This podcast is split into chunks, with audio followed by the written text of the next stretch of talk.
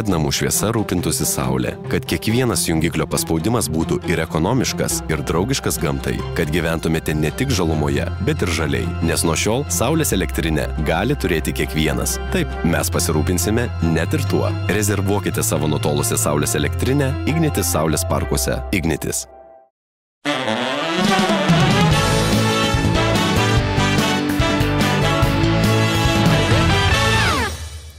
Sveiki, kas e, žiūrite mūsų pokalbius e, iš pradžių, o vėliau galbūt žiūrėsite ir pagrindinę laidą, kurioje kalbėsime apie nuotolinį mokymą ir žinoma, apžvelgsime visą mūsų fantastišką savaitę. O e, dabar čia, filmuodamas Laisvės namuose, norėčiau pristatyti viešnę. Laikykitės ten fotelyje svetingiausia Vilniaus gidė, labai gražus apibūdinimas - Gabija Lunevičiūtė. Sveiki, Gabija. Labas, Andrius, sveiki visi. Nu, puikus apibūdinimas. Na taip, ir iš tikrųjų dažnai žmonės mane taip pristato, bet turbūt teisybės dėlė reikia pasakyti, kad kiekvienais metais Vilnius renka tą gidą, tai aš buvau prieš keletą metų išrinkta, tai yra ir po manęs jau tokį titulą gavusi. Bet, bet pavadin... niekas netima jo. Bet niekas netima, tai iš tiesų labai malonu buvo mm, gauti tokį apdovanojimą, nes renka žmonės ir komisija, tai vadinasi ir profesionalai, ir tie žmonės, su kuriais susiduriu per ekskursijas mieste, nu tikrai kažkaip jaučiausi labai, taip, nežinau, pamaloninta mm. ir įvertinta. Gabija, e, karantinas ir visa šita situacija turėtų šitai profesijai būti iš viso kaip peilis po, po kaklų, nes e, ir turizmas sustojo visiškai, ir apskritai net nelabai galima vaikščioti daugiau negu po du, tai tik tai galima privačias ekskursijas vienam žmogui vesti, kol, ko turbūt nelabai pavyksta. E, kol kas tikrai tokio pageidavimo iš nieko dar neišgirdau, bet išgirdau labai daug klausimų, kada jau, kad laukiam, kokias ruošiat naujas temas pasilgom ir dabar kol kas su knyga vaikštam po miestą ir panašiai, bet iš tiesų tikrai aš sakyčiau, kad visi gidai, na, žmonės, kurie dirba tokį darbą, gali būti skirstomi į keletą grupių arba bendruomenių, tai vieni yra tie, kuriems gidavimas yra tik tai antroji arba trečioji profesija. Jie galbūt yra mokytojai, galbūt jie yra vertėjai, mhm. na, dar jie gali turėti tikrai labai daug darbų ir kartais savaitgaliais, vasaros metu gali e, pavedžioti po senamiestį ar ten nuvažiuoti kažkur į Kauną su dažniausiai užsieniečių grupėmis, tomis autobusinėmis. Tai taip, jie dabar to negali daryti, bet jie turi savo kitus darbus, mm. pagrindinius. Mm. Tikėkime, kad turi. Yra antra grupė, jinai nėra labai gausi, tačiau tikrai yra dalis gidų, kurie gyvena vien tik tai iš šio darbo. Na tai tie, kurie yra įpratę dirbti vien tik tai su užsieniečiais, o tokių yra dauguma arba rusų, lenkų, vokiečių, anglų kalbomis, ta pačia ispanų, mm. ne, jau tikrai žino, kad šiais metais praktiškai sezono nebus ir tiesiog jau visokių esu išgirdus, gal kažkas boltą matai vairuos, gal kažkas tai šiaip turi santaupų ir tiesiog ruošis ateinantiems metams, nes šiais metais tikrai yra, nu, jau, jau mes suprantam, kad nelabai Taip. sulauksim tų turistų.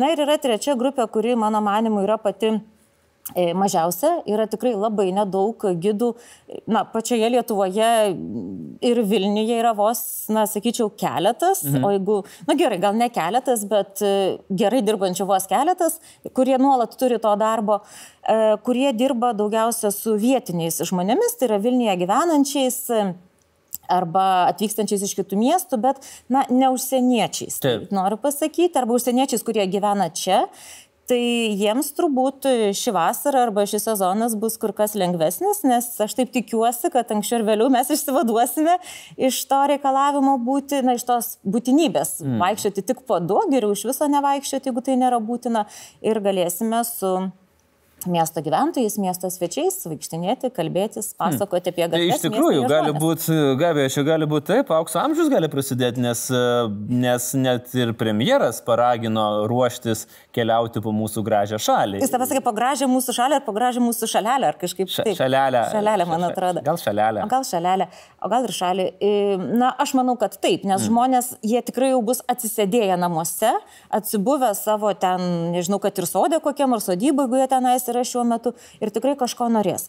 O kažko norėti, tas pasirinkimas kur kas yra mažesnis, nes kino teatrų, nu gerai, automobilyje galėsi stebėti, e, teatrų nebus, masinių koncertų, na, nebus, tai tikrai tas toksai papramogavimo tipas yra stipriai sumažėjęs. Ir man taip atrodo, kad jeigu ir iki šiol aš tikrai nesiskundžiau nei klientų kiekiu, nei, uh, nei darbo kiekiu, tai, na, man atrodo, kad kai jau bus galima, tai nesumažės, o gal ir padaugės. Patys irgi pakeliausim šiandien ir virtualiai po Vilnių mm. ir, ir manau, kad išgirsim kelias įdomias istorijas, Gabija, bet aš dar norėčiau grįžti prie pačios pradžios, todėl kad prie, prieš keliolika metų mes e, su jumis ir buvom kolegos, mes e, dirbom prie to paties projekto, e, vadinosi Expressas LT, kelionės po ES valstybės ir po to jūs iš žurnalistės kvalifikavotės į gydę. Kodėl tas toksai įvyko virsmas, kodėl būtent į gydę? E, kaip šovė mintis, ar atėjote ir sakėt, nu viskas, va, aš dabar būsiu gydė. Ne, taip tikrai aš nesakiau ir tas keliolika metų, taip man taip nuskambėjo, taip gazdinančiai pradėjau galvoti, kiek man metų ir kiek ta, kada, kada tas buvo, tai taip, čia buvo tai galbūt prieš... Septinti, nu, jeigu neklystu, ar šešti, kažkas tokio, o gal nu, penkti. Ne, penkti tai tikrai negalėjo būti, gal prieš kokių dvylika metų tai nu, galėjo gerai. būti, aš taip įsivaizduočiau, tai tikrai po to aš dar dirbau žiniasklaidoje, bet, na, tikrai nebuvo nemažai laisvo laiko, palyginus ypatingai su tais metais, kada mes kartu dirbame, kada tikrai to laiko nebuvo. Ir aš pagalvojau, kad tą laisvą laiką būtų tikrai malonu išnaudoti kažkam, e, kažką išmokti naujo, kažką sužinoti naujo. Ir aš tiesiog nuėjau gidų kursus visiškai atsitiktinai tiesiog kaip į kursus. Ir man atrodo, kad ir dabartinis laikas daliai žmonių, jeigu jie čia skundžiasi kažkas tai, kad nėra ką veikti, ar ten na, tiesiog kuo čia užsiimti, tai tikrai galėtų būti laikas pabandyti savo kažką mm. naujo, parodyti, kad egzistuoja gyvenime. Tai taip aš nuėjau gidų kursus, absoliučiai negalvodama, kad aš kažkada iš to gyvensiu, arba kada nors sėdėsime vienas priešais kitą, aš čia su kažkokiu tai skydeliu, tu irgi ir kalbėsime apie štai tai, apie ką mes dabar kalbamės, bet uh, tikrai sekėsi puikiai puikiai ir aš išgirdau ne iš vieno e, jau daug metų dirbančio arba mokančio gidus e, būti jais, mm. kad žurnalistams tai sekasi įtin gerai. Nes žmonės moka kalbėti, Bendra, apdoroti informaciją, analizuoti, mhm. apskritai bendrauti, prieiti prie žmogaus, gauti istoriją ir pasugebėti ją papasakoti kitiems. Dėl to taip, ta, tarkime, veiklos rūšis šiuo metu, kada, tarkime, na, pagal veiklos klasifikatorius tai yra turistų gidų veikla, tačiau mano galva ir visiems tiems, kurie klausia, kaip tu čia toli nuėjai, aš niekur nenuėjau labai toli. Tiesiog aš susisiaurinau savo temą. Mhm. Na, aš nebešneku apie viską kasdieną po, apie skirtingą temą, kaip, pavyzdžiui, būdavo naujienų tarnyboje dirbti dirbant, o aš turiu vieną temą. Tai yra, nu šiuo atveju miestas, galbūt kažkada bus Nidoje, pernai gyvenu vasarą, tai buvo ir apie Nidą ekskursiją. Mm. Tai aš tiesiog dabar pasakoju apie miestą ir jo žmonės. Tai mano yra su kur kas sumažėjusi, susiaurėjusi tema.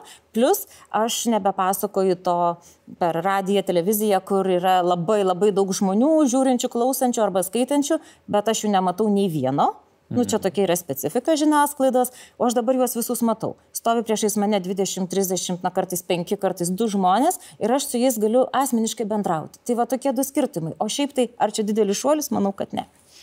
Gabija, pamenat, aš kad pamenat, e, pirmąją ekskursiją, jau tą oficialią, kaip sekėsi? Oi, e, taip, pamenu, bet vėlgi, aš kada pradėjau dirbti, tai jau buvo Jėzu, kaip tas laikas greitai eina. Aš galvoju, kad tai turėjo būti prieš kokius septynerius metus. Mhm. Visiškai neplanavau to dirbti, bet tiesiog per tuos gidų kursus susipažinau su mergina, kuri dirbo turizmo agentūroje ir sako, galbūt tu norėtum paimti grupę, tai buvo taivaniečiai.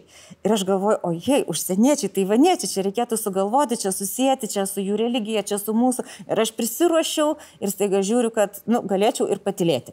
Dėl to, kad e, tai nėra iš tų šalių atvykusios grupės, kuriams yra itin įdomu niuansai apie protestantus, ortodoksus, katalikus ir panašiai. Tiesiog žmonės nori per kelias valandas apibėgti miesto, galbūt ir Vilnių ir Trakus ir tiesiog gauti įspūdžių, emocijų, gražių vaizdų. Tai buvo tokios mano pirmosios ekskursijos, kur aš labai greit supratau, kad nėra reikalo labai giliai pasakoti tai, ką aš labai didžiuojuosi žinodama. Yeah. Ir greitai man tai atsibodo ir aš nesijaučiau gerai, nes atrodo, žinau ir tą, ir 15, ten ir 16 ir gal kažkokie eilėraštį žinau apie tas vietas kažkokį atsiminimą pati turiu. Ir tai yra daliai iš užsienio atvykusių žmonių neaktualu. Reikia tikrai visiškai kitaip pasakoti užsieniečiui negu čia gyvenančiam žmogui. Mm. Na ir patys, na ir, ir jūs, kada keliaujate ten į kokį, nežinau, Mienmarą ar tą patį Taivaną, jeigu kažkas jūs pasisodinęs arba vedžiodamas po miestą pradėtų pasakoti apie 30 skirtingų budizmo rūšių, nu, būtų gana keblu, nes norisi suvokti pačią esmę. Man tai buvo visai neseniai. Ir, ir kaip? Taip, kai reikėjo lankytis vat, būtent Pietričių Azijoje, ir, ir, nes aš laikas tengiuosi kuo daugiau vietinių gydų iš, paimti iš mm -hmm. Tai kai jis man pradėjo pasakoti apie jau 73 karalių 15 amžiui, kur man visi jie yra vienodi, po to jau kitą dieną aš tiesiog buvau su knygute ir koks yra relaksas, nes buvau žiauriai pavargęs nuo, jis labai stengiasi, mes labai Taip. gražiai ir, bet aš taip pavargau nuo to gydo. Aš tikrai suprantu ir nuo manęs pirmą tą ekskursiją manau, kad irgi pavargo visi. Bet tada aš pagalvojau, tai tikrai yra žmonių, kuriems gali būti įdomu tie 73 karaliai arba ten kažkokios jų dinastijos, kas su kuo nutiko, bet tam reikia turėti kažkokią emocinį ryšį su ta vieta. Hmm. Arba bent kažkokių minimalių, tokių bazinių žinių. Ir taip aš pradėjau galvoti, kad kodėlgi man nepabandžius e, pra, nu, pasakoti apie miestą čia gyvenantiems žmonėms. O bijojau atsimenu, Oi, čia tikrai tas. Nieko, man čia jisai važinėja, pirmas galtas, jie gyvena savo gyvenimą. Jo.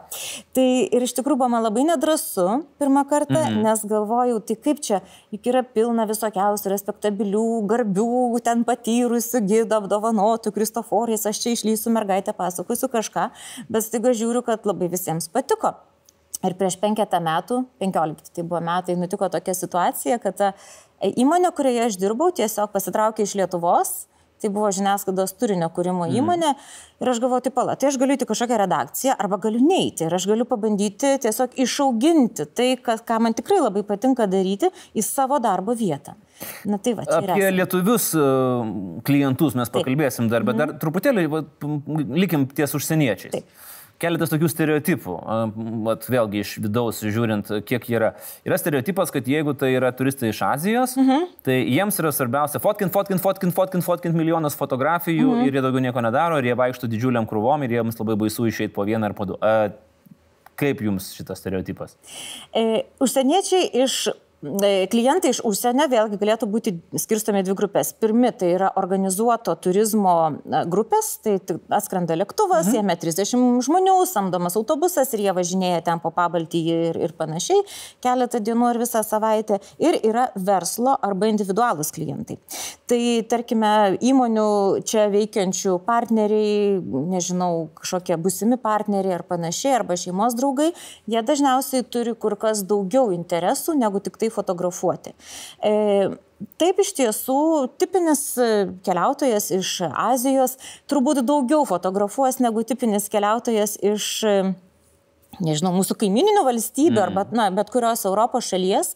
E, bet tai tikrai labai priklauso ir nuo gido. Aš net nebejoju, aš pati pažįstu, yra puikūs gidai, kurie dirba su, tarkime, Kinijos svečiais, jie moka kinų kalbą, jie suvokia kinų kultūrą, jie gali suvokti, ką jie supranta, ko jie nesupranta, kas yra įdomu, kas susisėja su jų ten kažkokiu, nežinau, mąstytojų, politinių įvykių. E, dauguma gidų ir aš jų tarpe, aš neturiu tokio pagrindo, mm. tarkime, Kinijos kultūros, politikos, ten socialinio ar kažkokio kitokio gyvenimo srityje.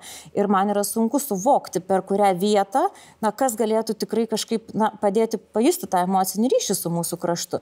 Dėl to, na, pasakoju ten kažkokius faktus, legendas ir tikrai jie labai maloniai džiaugiasi fotografuodami, mm. jeigu pasakai, kad ten buvo kažkur Napoleonas ir nu, tai, o, Napoleonas girdėtas žodis, vat, fotografuoja. Taip, taip tikrai yra, bet vėlgi, tai nesako nieko apie juos, kaip, bet tai sako ir apie mus, kad mes nesugebam užmėgsti to ryšio, kad žmogus tikrai labai na, klausytų ir suvoktų tai, ką tu mhm. pasakoji. Mhm. Gerai, o, ki, o kitas turistų tipas, kurie uh, išeina į ekskursiją ir mhm. po pusvalandžio sako, nu, gidas, gal jau galim ryšti ir nu, važiuojam ten, kur įdomu į Akropolį, į ne, čia, Ledo areną. Ma matot, kas yra? Aš nemoku rusų kalbos. Aha.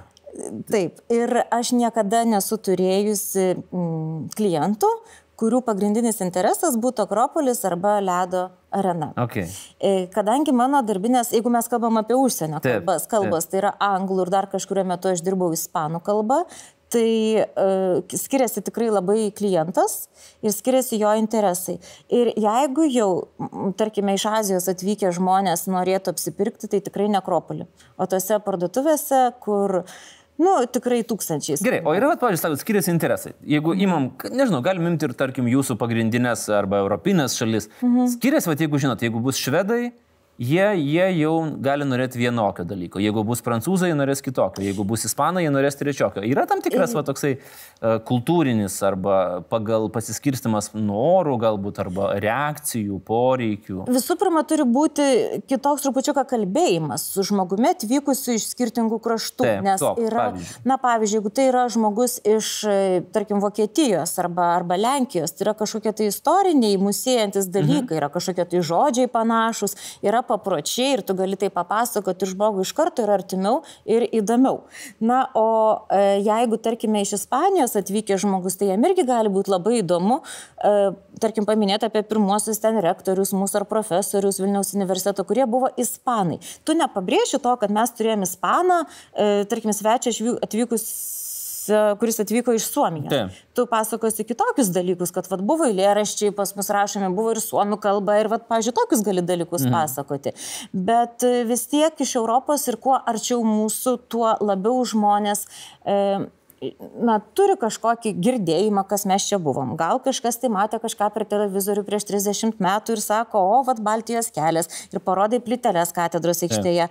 E, pats matei tas plitelės katedros aikštėje Baltijos kelio minėjimo? Ne. Labą dieną, tai va, jau. Diena, sakant... O, aš žinau, kad jau šito, kai paėsime, aš suprasiu, kad aš nieko. Jo, katedros aikštėje prie varpinės yra tokios pedutės, įspaustos tiesiog. Ir aš dabar, na, man atrodo, kokie penkeri metai tikrai, o gal ir septyneri metai jos tenais yra ir dauguma Vilniečių ten eina, užmina, praeina ir niekada nepasižiūri. Tai, tai va, pasistatai prie tų pedučių, dar pajokauju, kad dauguma Vilniečių nėra matę ir kažką pasakoja apie Baltijos kelią ir žmonės, kurie arčiau gyveno, kurie, na, galbūt yra vyresni, jie kažką atsimena, mhm. jiems kažkas klinkt, žinau, girdėjau. Tai taip, tikrai, kuo arčiau mūsų, tuo yra didesnis, na, toksai gilis galbūt pasakojimo, nes žmonės labiau taip supranta. Na gerai, o kokie nors pavyzdžiui vis tiek, e, aišku, yra įstrigę Gabija koks nors juokingiausias arba netikėčiausias nutikimas arba ekskursija su užsieniečiais, kuri pasisuko visai kitaip negu planavo. Į ligoninę važiavau. Mhm. E, tai buvo irgi azijiečių grupė, iš, čia padartais pirmaisiais mano darbo metais, tai buvo daugiausia Taivanas, Hongkongas, e, Ir tai buvo dar tikrai kelios tokios mano ekskursijos, va, kokių įdomių dalykų su gyvenime patyrus, kad keliavo grupė per Ukrainą, Baltarusiją, Baltijos šalis, Peterburgas ir ten nežinau, ar pato jau namo ar ne, bet manęs prašė juos pasitikti Baltarusijoje.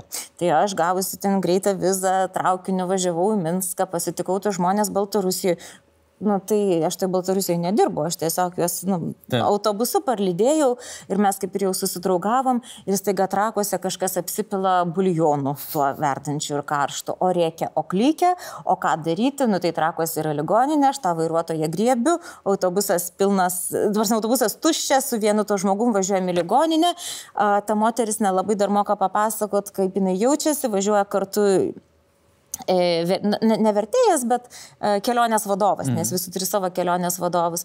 Ir už tai, vad, gražiai, taip, nu, man tai stresas, nu, tai tikrai, o ką, ką čia daryti reikės, kaip čia reikės rūpintis, o jeigu neužteks čia trakų, bet e, kažkaip viskas ten buvo daugiau gal ir riksmo, ir, ir tokio, na, šoko, kai mm. ant tavęs išpila buljoną, ką verdanti, negu kad, na, tikrai kažkokio tai labai rimto, rimtas nudegimas, kad būtų buvęs. Aš tikrai labai gerai atsimenu, net net ne su grupėm, bet kada aš pradėjau daugiau dirbti su individualiais e, klientais, e, keletą žmonių, su kuriais mes tiesiog labai susidraugavom. Ir tikrai buvo vienas verslininkas iš, iš Danijos.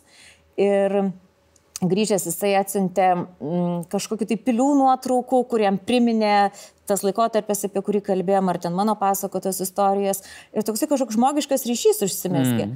Tai galbūt ne tai, kad aš daug atsimenu kažko tai baisaus, blogo, negero, nes tokių dalykų aš nesu labai daug patyrusi, bet tai, kada nu, tikrai jauti, kad žmogui buvo smagu ir kažkoks toksai išliko ryšys. Ne, ne tai, kad atsisėdite, atsistoja išgirsti 73 karalius dinastijas ir, ir ačiū viso gero.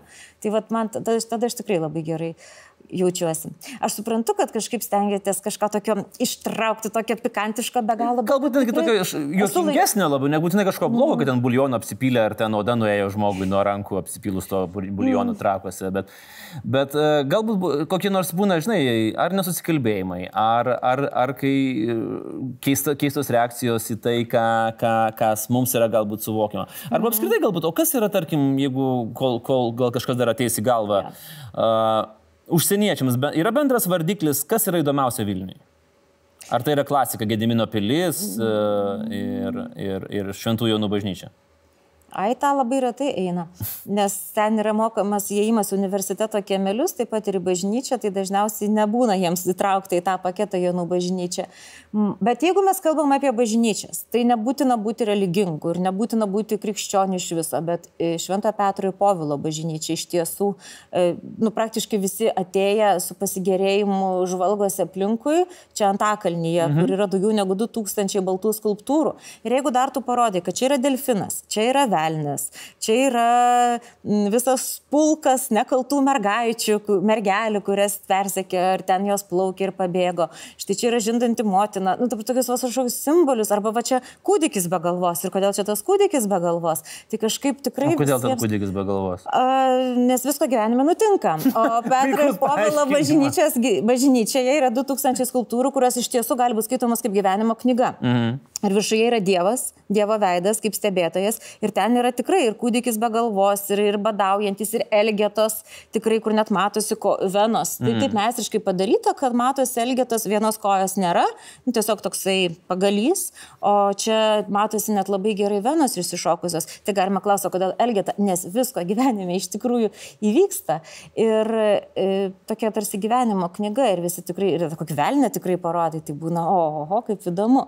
E, bet šiaip man atrodo, kalbant apie patį Vilnių, žmonės atvykusius iš e, užsienio, dažnai tai būna kur kas didesnės valstybės negu mūsų, e, kur jų miestai yra kaip keletas mūsų valstybių gyventojų skaičiumi, žavi kompaktiškumas. Mhm. Kompaktiškumas ir jaukumas.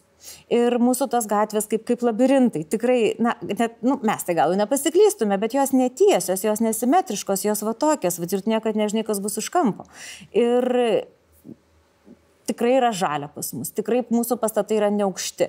Ir tokie tarsi na, miniatūrinė tokia pasakų, mm. kažkokia tai gyvenvietė dažnai žmonėms atrodo. Tie raudoni stogai senamešė, jeigu kažkur iš bokšto pasižiūrim arba iš viršaus, tikrai atrodo kaip tokie pasakų namukai. Tai man atrodo tas toksai jaukumas, kompaktiškumas, žalumas. Jaukumas. Turbūt tokie Taip, pagrindiniai labai, būtų labai, dalykai. Labai geri būdžiai. Ok, gerai, keliaujam tada prie, prie uh, Vilniečių Vilniui arba mm. na, atvažiavusių iš Kauno, Klaipėdos ar kitų miestų. Mm, Vėlgi, pats būdamas uh, grinas Vilnietis, gimęs užaugęs, aš turbūt galiu drąsiai sakyti, kad nieko labai daug nežinau apie savo miestą ir kaip turbūt e, nemaža dalis Vilniečių pasakys. Nu, tikrai susidomėjimas, susidomėjimas auga. E, Pažįstama situacija, na, turbūt su, su klientais. Tai mano pačios tokia buvo situacija. Mm. Aš gimus ir augus Vilniuje ir manau, kad daugelio mūsų pažintis su miestu tai yra, kur mes gyvenam, kur mes dirbam, kur mes mokomės, du barai, kurie mums patinka ir ten, nu, nežinau, kokia viena slapta vietelė, kuri ten mums labai svarbi. Nu, tik kažkokiu tokiu trikampiu arba kvadratu visi mes ir judam. O ar kam nors kiltų tiesiog šiaip sau pažiūrėti, kas yra viršuliškėse, arba kas yra toje gatvėje, kuria niekada nejau, dažniausiai nekyla. Ir aš kol nepradėjau mokytis, vadinkime mhm. taip, skaityti, domėtis ir atrasti kažkokias tai sąsajas tarp miestų, vietų, pasakojimų, jų nu, žmonių. Aš nelabai ką ir žinojau, netgi aplink savo mokyklos teritoriją, tai yra Salomėjos Neries gimnazija. Nu, buvo kiemas ten, kur nors vokiečių gatvė, kur iš pamokų pabėgę sėdėdavom, tai buvo. Bet kad ten buvo sinagoga, aš niekada nežinojau. Mm. Nu, kaip savo, tarkim, mokykliniam amžyje. Tai jokia aš neišimtis. Kaip susikonstruoja va, tos Vilniaus nežinomos istorijos? Mhm. Aš kaip suprantu, per bendravimą, per bendravimą su senąją Vilniaus kartą, nes aš kaip iš tokios istorijos sugulė ir į jūsų knygą. Štai turim čia Turim. e, knygą Vilniaus atminties punktyrai. Aš kaip suprantu, jos formatas yra pokalbiai tarsi tokie išsamus, išsamios esė su 12 skirtingų žmonių, ar ne? E, Taip, jeigu mes kalbam apie knygą, tai knyga atsirado man dirbant mano darbą, ruošiantis ekskursijoms, norint jas padaryti taip, kad būtų jos įdomios man, nes man tai vienintelis kriterijus, kaip čia tą ekskursiją daryti, Taip. ar aš tokios klausyčiau, ar man čia būtų įdomu. Tai aš tikrai pradėjau justi, kad, tarkime, rašytinių šaltinių, kuriuos aš tiesiog ne, paskaitydavau, viskas gerai, aš susidodu teorinį pagrindą, aš žinau kas, kur, kada, bet aš neturiu detalių. Taip, aš žinau, kad ten buvo sinagoga, bet aš nežinau, kaip jautėsi, kaip rengėsi, mhm. E, ką galvojo, ką po pietų valgydavo žmonės, kurie, tarkime, joje lankėsi.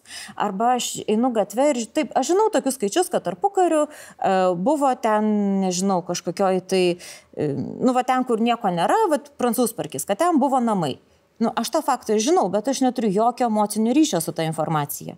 Nu, buvo namai, nu, buvo, nu, pažiūriu nuotrauką, nu gerai. Bet aš suvokiau, kad aš kažkaip pradėjau galvoti apie tai, kad man emocinio ryšio nėra, jums irgi nėra, jūs, jūs per jaunas, bet tiesiog tikrai darė vaikšto gatvėse žmonės, kurie matė, kurie matė ir kas buvo iki karo, kurie matė, kas buvo per karą, kurie galbūt pažinojo ten gyvenusius žmonės, galbūt ėjo pas juos į svečius. Ir aš apie tai galvoju, kur čia man tokių žmonių dabar surasti Ir kažkaip, kai labai apie kažką galvoji, man atrodo, viskas prasideda nuo galvojimo. Jeigu jau pradedi apie kažką galvoti, tai matyti ir, ir, ir įvyks kažkas tai. Ir tie žmonės kažkaip vienas po kito į mano gyvenimą ir atėjo. Ir taip iš tiesų knyga mm, Vilniaus atminties punktyrai yra sudaryta iš dvylikos, kaip aš pati sakau, senųjų e, 12 asmeninių Vilnių. Man atrodo, kad kiekvienas žmogus, tiek aš, tiek jūs, tiek bet, bet kuris žiūrovas turi savo Vilnių. Ir Mano Vilnius gali būti visiškai priešingas jūsų Vilniui, mm. nes gal visiškai priešingose upės pusės augame ir kažkaip tos vietos neturi, pavyzdžiui, man reikšmės, kas jums yra svarbu, mm. arba asmeninės reikšmės. Taigi čia yra 12 senųjų Vilniečių pasakojimų apie miestą ir apie save mieste. Tai nėra biografinės knygos, nes man nebuvo labai aktualu įsiaiškinti viską nuo pradžios iki pabaigos žmogaus gyvenime, tačiau tai, kas buvo Vilniuje, kas vyko jų gyvenimuose, o tie gyvenimai vyko Vilniuje. Ir pati seniausia moteris, su kuria aš kalbėjau, buvo, ėjo 102 metus. Na tai įsivaizduokit, jinai atsimena Basanavičių. Ir Taip nu, kas, kas tas Basanavičius, aš kaip ir žinau, bet ar Basanavičius, ar Napoleonas, ar Tutanchamonas, nu, tai lyg ir žinai iš knygų, bet matei ne, girdėjai ne, mhm. ar kažką jis tau pasakė ne, bet kada atsiranda žmogus, kuris pasakoja, kaip Basanavičius ateidavo Ir dalindavo pieštukus ir knygutes, sakydavo, kada jūs, čia buvo lietuviškos gimnazijos mm. moksleivė, vienintelės lietuviškos, kad kada jūs grįšite į savo tėviškės, į, į regionus, jūs rašykite į tas knygelės, tais pieštukais, pasakas, padavimus, dainas. Ir dabar tai, ką, manau, kiekvienas mūsų arba mūsų vaikai turi savo lentynėlėse, kaip lietuvių liaudės pasakas, daug kas yra užrašyta Basanavičiaus arba jo paskatintų mokinių. Ir ta pati, na, mergaitė, ta prasme, aš kalbėjau su moteriu, moterim, kurie buvo 101, bet aš kai su jie kalbėjau, aš mačiau mergaitę. Taip, jinai buvo, grįžo atgal. Ar... Taip, ir jinai buvo 12, jinai buvo, uh, jinai buvo antrokė, kada jinai nešė, sa... jinai buvo 12, bet ten galbūt Ai, ten ne vis... Nu, nu, ten... Tvarkoj, nesvarbu. Mhm. Aha. Jo, jai buvo 12 metų, nes gimė 15, Basanavičius mirė 27, tai taip, jai buvo 12, gal 11 metų, kada jinai ėjo Basanavičiaus laidotuvių procesijos priekyje ir nešė Mahatmo Gandžio atsiųstą vainikėlį priekyje. Mm. Gali galvoti pasakos, eini archyvą žiūri, nu, ne pasakos, ėjo, aš nežinau, ar čia ta mergaitė, bet jeigu pasako, tai tikiu, kad ta. Tai va čia buvo pati seniausia mano pašnekovė ir tai yra pats seniausias atsimenamas Vilnius. Bet ir visi kiti pašnekovai, mano, buvo, mano kriterijai buvo keli, kad jie būtų tikrai garbaus amžiaus, mhm. E, kad jie būtų nusiteikę bendrauti ir kad jie būtų sveiko proto. Tai reiškia, kad na, tie prisiminimai jie būtų dar pakankamai ryškus. Tačiau tikrai atsiranda tokie punktyrai tuose prisiminimuose, nes laikas bėga, atmintis blėsta, dėl to ir pavadinimas Vilniaus atminties punktyrai. E, tikrai, kada žmonės pasakojo ir tu matai, na, tu tiesiog matai tą tikrai seną žmogų žiūrėdamas tą vaiką, kuris, pavyzdžiui, mato iš žydų e, senelių namų varomus žydus į mašinas ir vežamus į getą. Ir tu matai, kaip tas vaikas, nu, žiūri tą tokią garbus amžiaus moterį ir tu matai mažą mergaitę, kuri gaili vieno senuko, mhm. nes jau buvo susidraugavusi įdama pro šalį kasdieną, kuris tempia raudoną čiainiką, kaip jis sako, arbatinį pilną nuotraukų. Ir tas arbatinis geležinis, jam sunku buvo, jis labai, nu jau be jėgų buvo, jam nukrito ant grindinio ir iš to arbatinio pažiūro krūva nespalvotų nuotraukų. Tai turbūt jo gyvenimas, jo šeimos gyvenimas. Ir ta maža mergaitė norėjo pribėgti ir surinkti tam senukui jo nuotraukas. Bet šalia ėjęs, čia tarpukaris yra, tai šalia mhm. neėjęs, o stovėjęs, nes eismas buvo sustabdytas, e, Lenkų toks ponas sako, mergaitė nebėg, nes dar tave išveš. Ir jinai, va dabar jai kiek yra metų, neatsimena ir jai gaila, jinai va kalba, sakys, jai rašaros. Mm. Arba pavyzdžiui apie e, karo siaubus, apie, tos, apie tas vaikiškas baimės e, ir tu matai tėvus nerimaujančius, tu matai tėvus, kurie kasdieną eina prie e, Čia visi dabar sako Basanavičius gatvės cerkvė, bet yra Konstantino ir Mikhailo gatvės cerkvė ir ten buvo karo met, antrojo pasaulinio karo metais toksai standas ir ant stendo buvo žemėlapis. Ir kiekvieną dieną žemėlapyje būdavo lyg ir smeigtukais arba linija pažymėta frontas kaip Front. eina. Mhm. Ir tiesiog eidavo tėvai, jie pareidavo, jie pasimdavo vaikus, eidavo į slėptuves, kartais padalindavo vaikus, kad jeigu ką, nu, bent kas liktų iš šeimos. Ir, na, kai tai tau žmogus pasakoja. Ir jau suvokdamas, nu, būdamas suaugęs mm. ir suvokdamas, ką tėvai turi išgyventi, kaip jisai pats tuo metu jautėsi. Na, tai man atrodo yra labai paveiku. Bet vėlgi, atmintis krečia žmonėms pokštus. Ir tam, kad tai nebūtų vien tik tai atsiminimai, Aš sakau, kad čia yra atsiminimai ir faktai. Vienoje pusėje yra pokalbiai, e, kuriuo aš nekvestionuoju. Žmonės atsimena taip, kaip taip, atsimena. Taip. Bet šalia yra žemėlapis. Kiekvienas skyrius turi savo žemėlapį su taškais, mm. kur sužymėtos tos vietos, apie kurias tie žmonės kalba. Tai reiškia, imat knygą, turite 12 maršrutų, turite 12 skirtingų Vilnių ir yra surašyti faktai apie tas vietas. Nu, tarkim, tie žydų senelių namai, kada jie įkurti, kas iš jų liko, kad dabar tai yra a, profesinio rengimo centras ir, ir, ir ten, kur buvo, čia Pamienkalnio gatvė, mm -hmm. tuo metu Ulica Portova, a, ten, kur da, buvo sinagoga, tai dabar yra bendru, na, nu, sakyčiau, taip renginių erdvė ir sporto renginių taip pat. Na, tai, žodžiu, turi prisiminimą ir turi faktą. Nes man atrodo, kad dažnam žmogui, neišskiriant ir manęs, nes aš tikrai nežinau visko apie viską, bet jeigu tau kažkas pasakoja, kaip vaikystėje ėjom su mama į tris štralių restoranus, tai didžiai daliai žmonių tai čia nieko nesako. Bet kada tu žinai, kad vienas štralis buvo ten, kur signatarų namai, tai, kitas. Baltasis berots, ne? Baltasis, pats mm. nuobodžiausias, nes ten klebonai tik būdavo, o ten jau visokios kurtizanės. Totorių gatvė turbūt. E, ne, ne totorių, o žalias ištralis buvo prie mažojo teatro, ten kur abatų parduotuvė, tenais Aha. buvo. Ir raudonas ištralis buvo Totorių kampas Gedimino, bet ne kur pinigų muziejus, mhm. o priešingoje pusėje. Na tai va, tai įdedi tokį paaiškinimą ir žmogus bent, nu kažkaip man atrodo, vėlgi aiškiau tampa ir emocinis ryšys kažkoks tai užsimesga. -huh. Tai va. Gerai, Gabija, e, keliavom čia dabar apie tuos, kalbėjom apie senų žmonių prisiminimus. Dabar Gerai, pakeliaukim virtualiai. Mhm. Pakeliaukim virtualiai, aš paprašysiu jūsų, nu, vat, galvoj, jūs prašom padėlioti tokį maršrutuką, kuris galbūt susijęs, galbūt nesusijęs, mhm. čia jau kaip pasakysit, mes pabandysime jį po to, uh, po mūsų pokalbio prieš parodydami žiūrovams, pailustruoti mhm. vizualiai. Tai tarsi tokia virtuali ekskursija, na, karantinas tuoj baigsis, oras tuoj pasidarys vo, tai e, galės e, žmonės ir individualiai galbūt prisiminti mūsų pokalbį ir jeigu e, prie jūsų ekskursijų bus didžiulės eilės, nes kaip suprantu, ten reikia, pas, kad pasisektų, jog spėtum į tą ekskursiją. Nu, dažnai taip, iš tikrųjų. Taip. taip, grupės dažnai būna pilnos, būna visai, bet dažniau būna pilnos negu ne. E... Tai va, tai pabandykim pakeliauti. Aš tada tiesiog vat, tampu toksai klausytojas. A, gerai.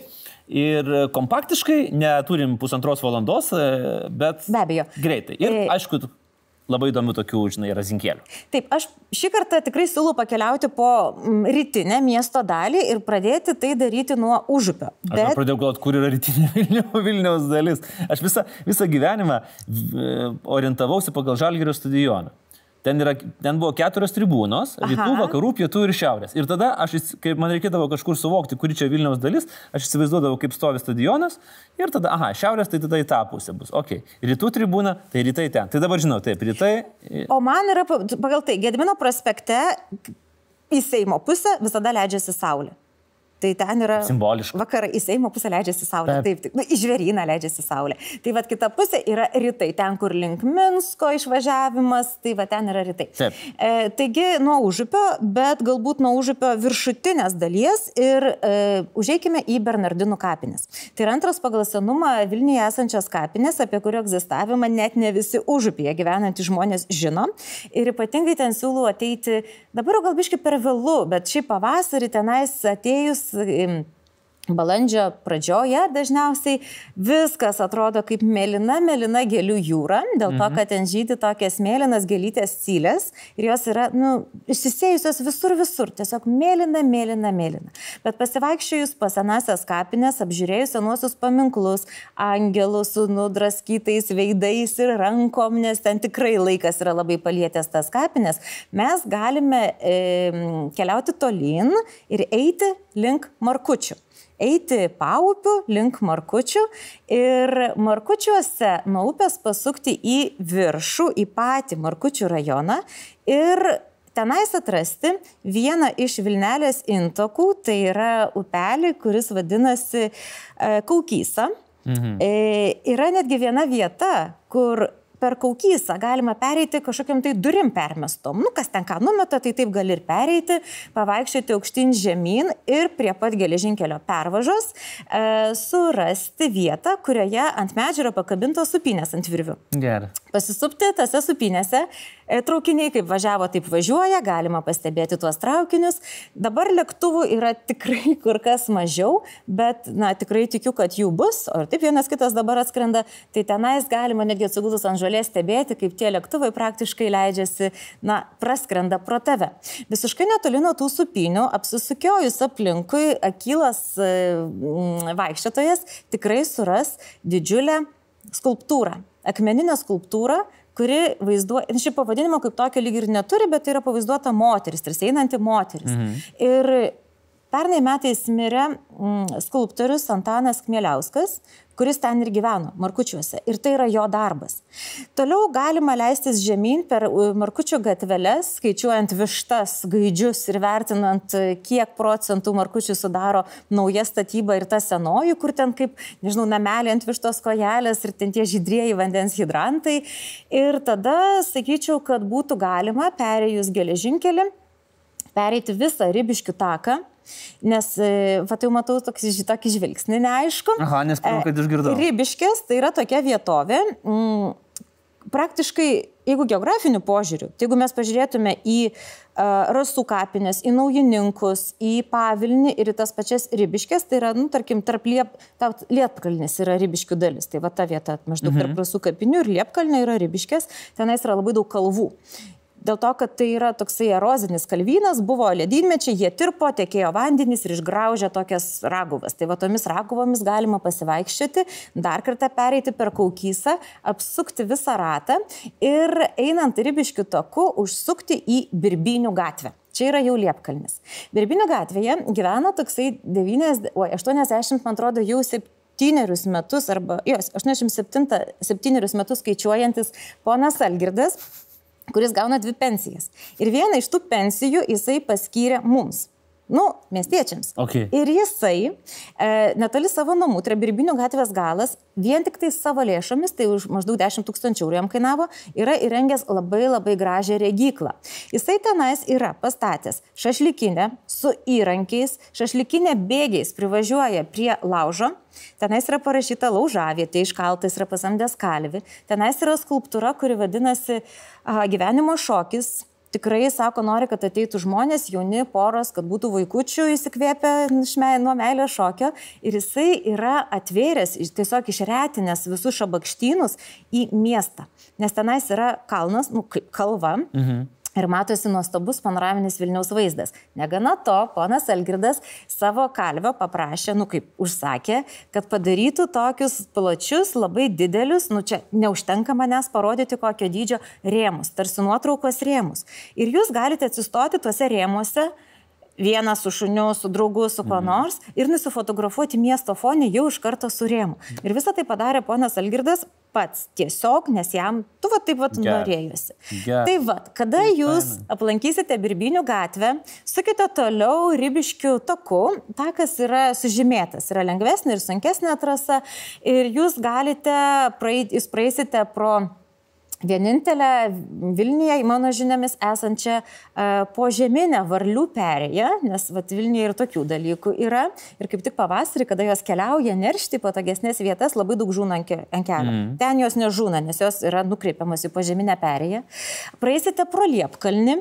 Apžiūrėsite vietinių gyventojų kiemus, rasite ir rusiškų užrašų, ir visokiausių ten juostelių, oranžiniai, juodų, viso, visko jūs tenais pamatysite.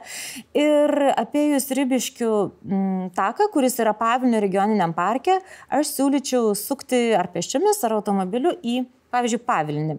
Ir Pavilnyje yra vienintelė Vilniuje medinė bažnyčia. Mhm. Tikrai labai tokia, nu, Zakopanės stiliaus. Kas lankėsi Zakopanį, tai visiškai Zakopanės stiliaus ir labai daug vadinamųjų tokių dačių arba 20-ojo amžiaus pradžios labai uh, puošnių medinių, kartais ir mūrinių didžiulių namų su stogeliais, ten su visokiais bokšteliais. Tai yra tikrai labai gražu.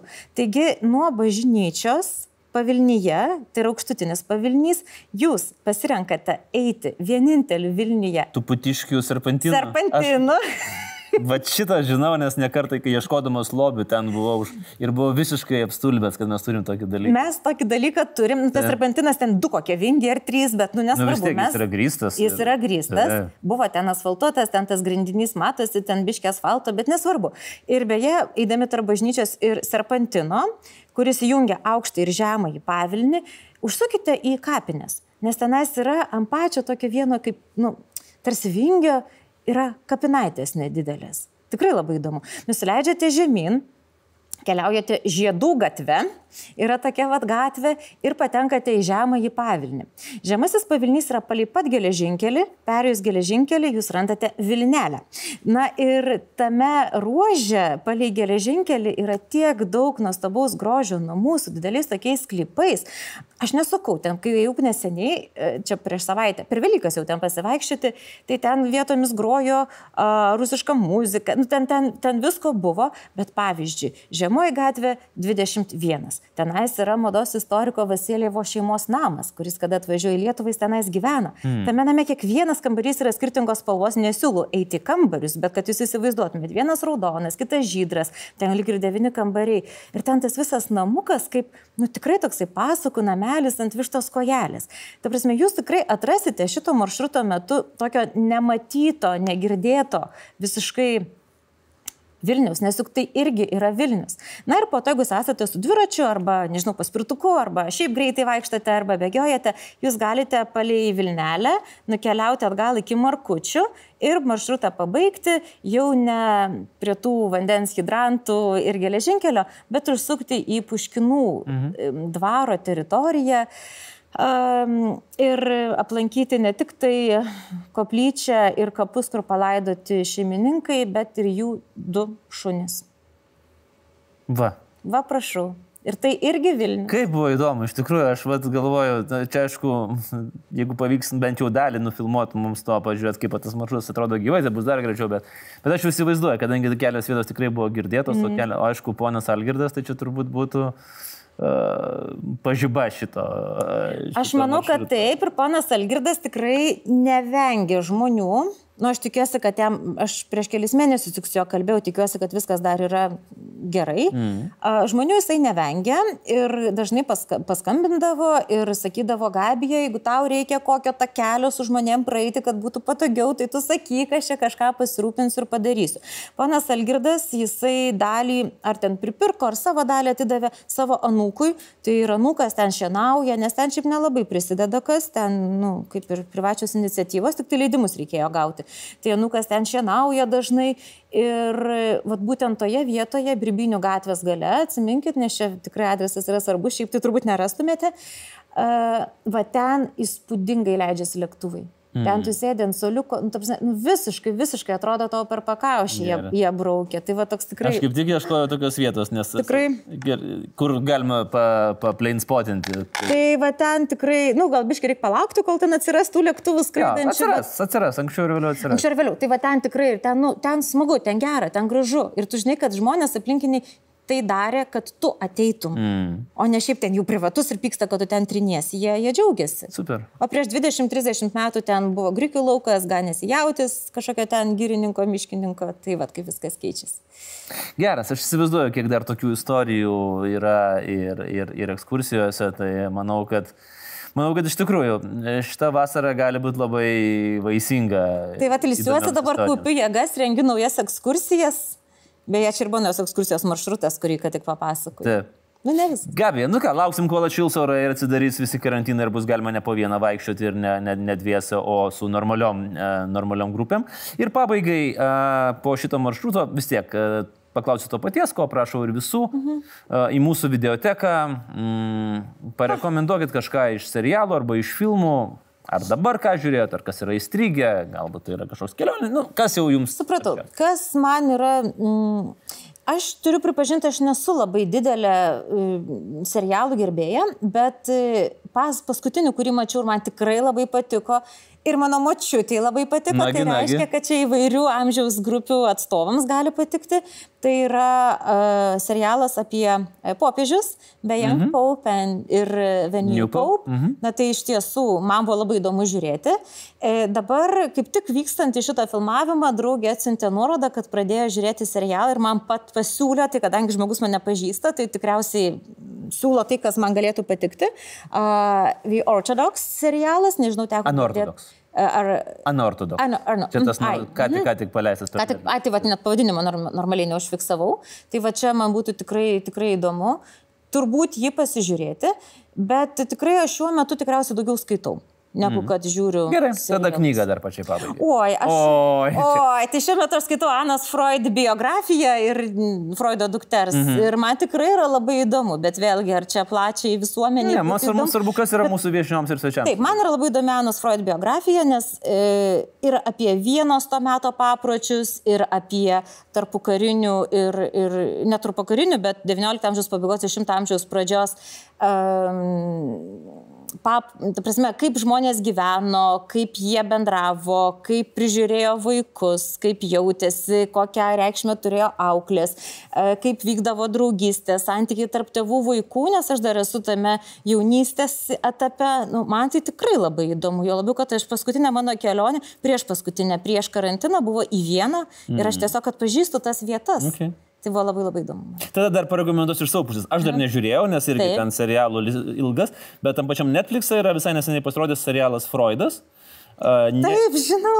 detektyvinis, jis yra keistas. Freudas yra ten detektyvas, kuris e, vykdo įvairias uh, Bet tas pats bylas. Freudas ar kažkoks kitoks Taip, taip, tas pats, tas pats. Tas pats. Nu, tiesiog alternatyvi, alternatyvi realybė. Tai galbūt irgi galima su pasižiūrėti, kaip e, istorinė realybė susišaukia su alternatyvia realybė. Tai Tai va. va, pasižiūrės, ačiū Nu, labai. puikiai, Andriau. va, vieni kitiems parekomendavom ir popiežius, ir uh. Freudo duk- dukters uh, biografinę knygą, ir serialą Freudas, ir anto, Anortodoks. Ir aišku, ekskursijos. Tikrai labai mane suintrigavo, nes Tai aš gal susitiksim? esu mėgėjas ir uh, gal ir susitikti. Mes kažkada bandėm susitikti, bet uh, dėl oro prireikė atšaukti ekskursiją. Mes jau Nes buvom tai buvo už- žiema. Kažkas tokio, kad buvo jau mm. tokį, toks oras, kur nu, net ir šuns neišvarysi. Čia buvo žiema kalėdinė ekskursija prieš Taip. kokius, nežinau, penkerius, Taip. ketverius metus, atsimenu šitą bandymą va. susitikti. Nepavyko. Na nieko, pavyks vasarą. Ačiū, Gabija, Ačiū už labai. šitą poka- pokalbį ir už virtualią ekskursiją po keistą ir nepažintą Vilnių. Va, galima tikrai išmėginti šitos dalykus, manau, kad tai yra labai smagus ir naudingas užsimimas, ypač turint omeny, kad į užsienį vis tiek dar mes artimiausių metų tikrai nevažiuosim. Ačiū Gabija už Ačiū, pokalbį, Ačiū, sėkmės žiūrovai. ir e, keliaukime prie kito mūsų laidos svečio.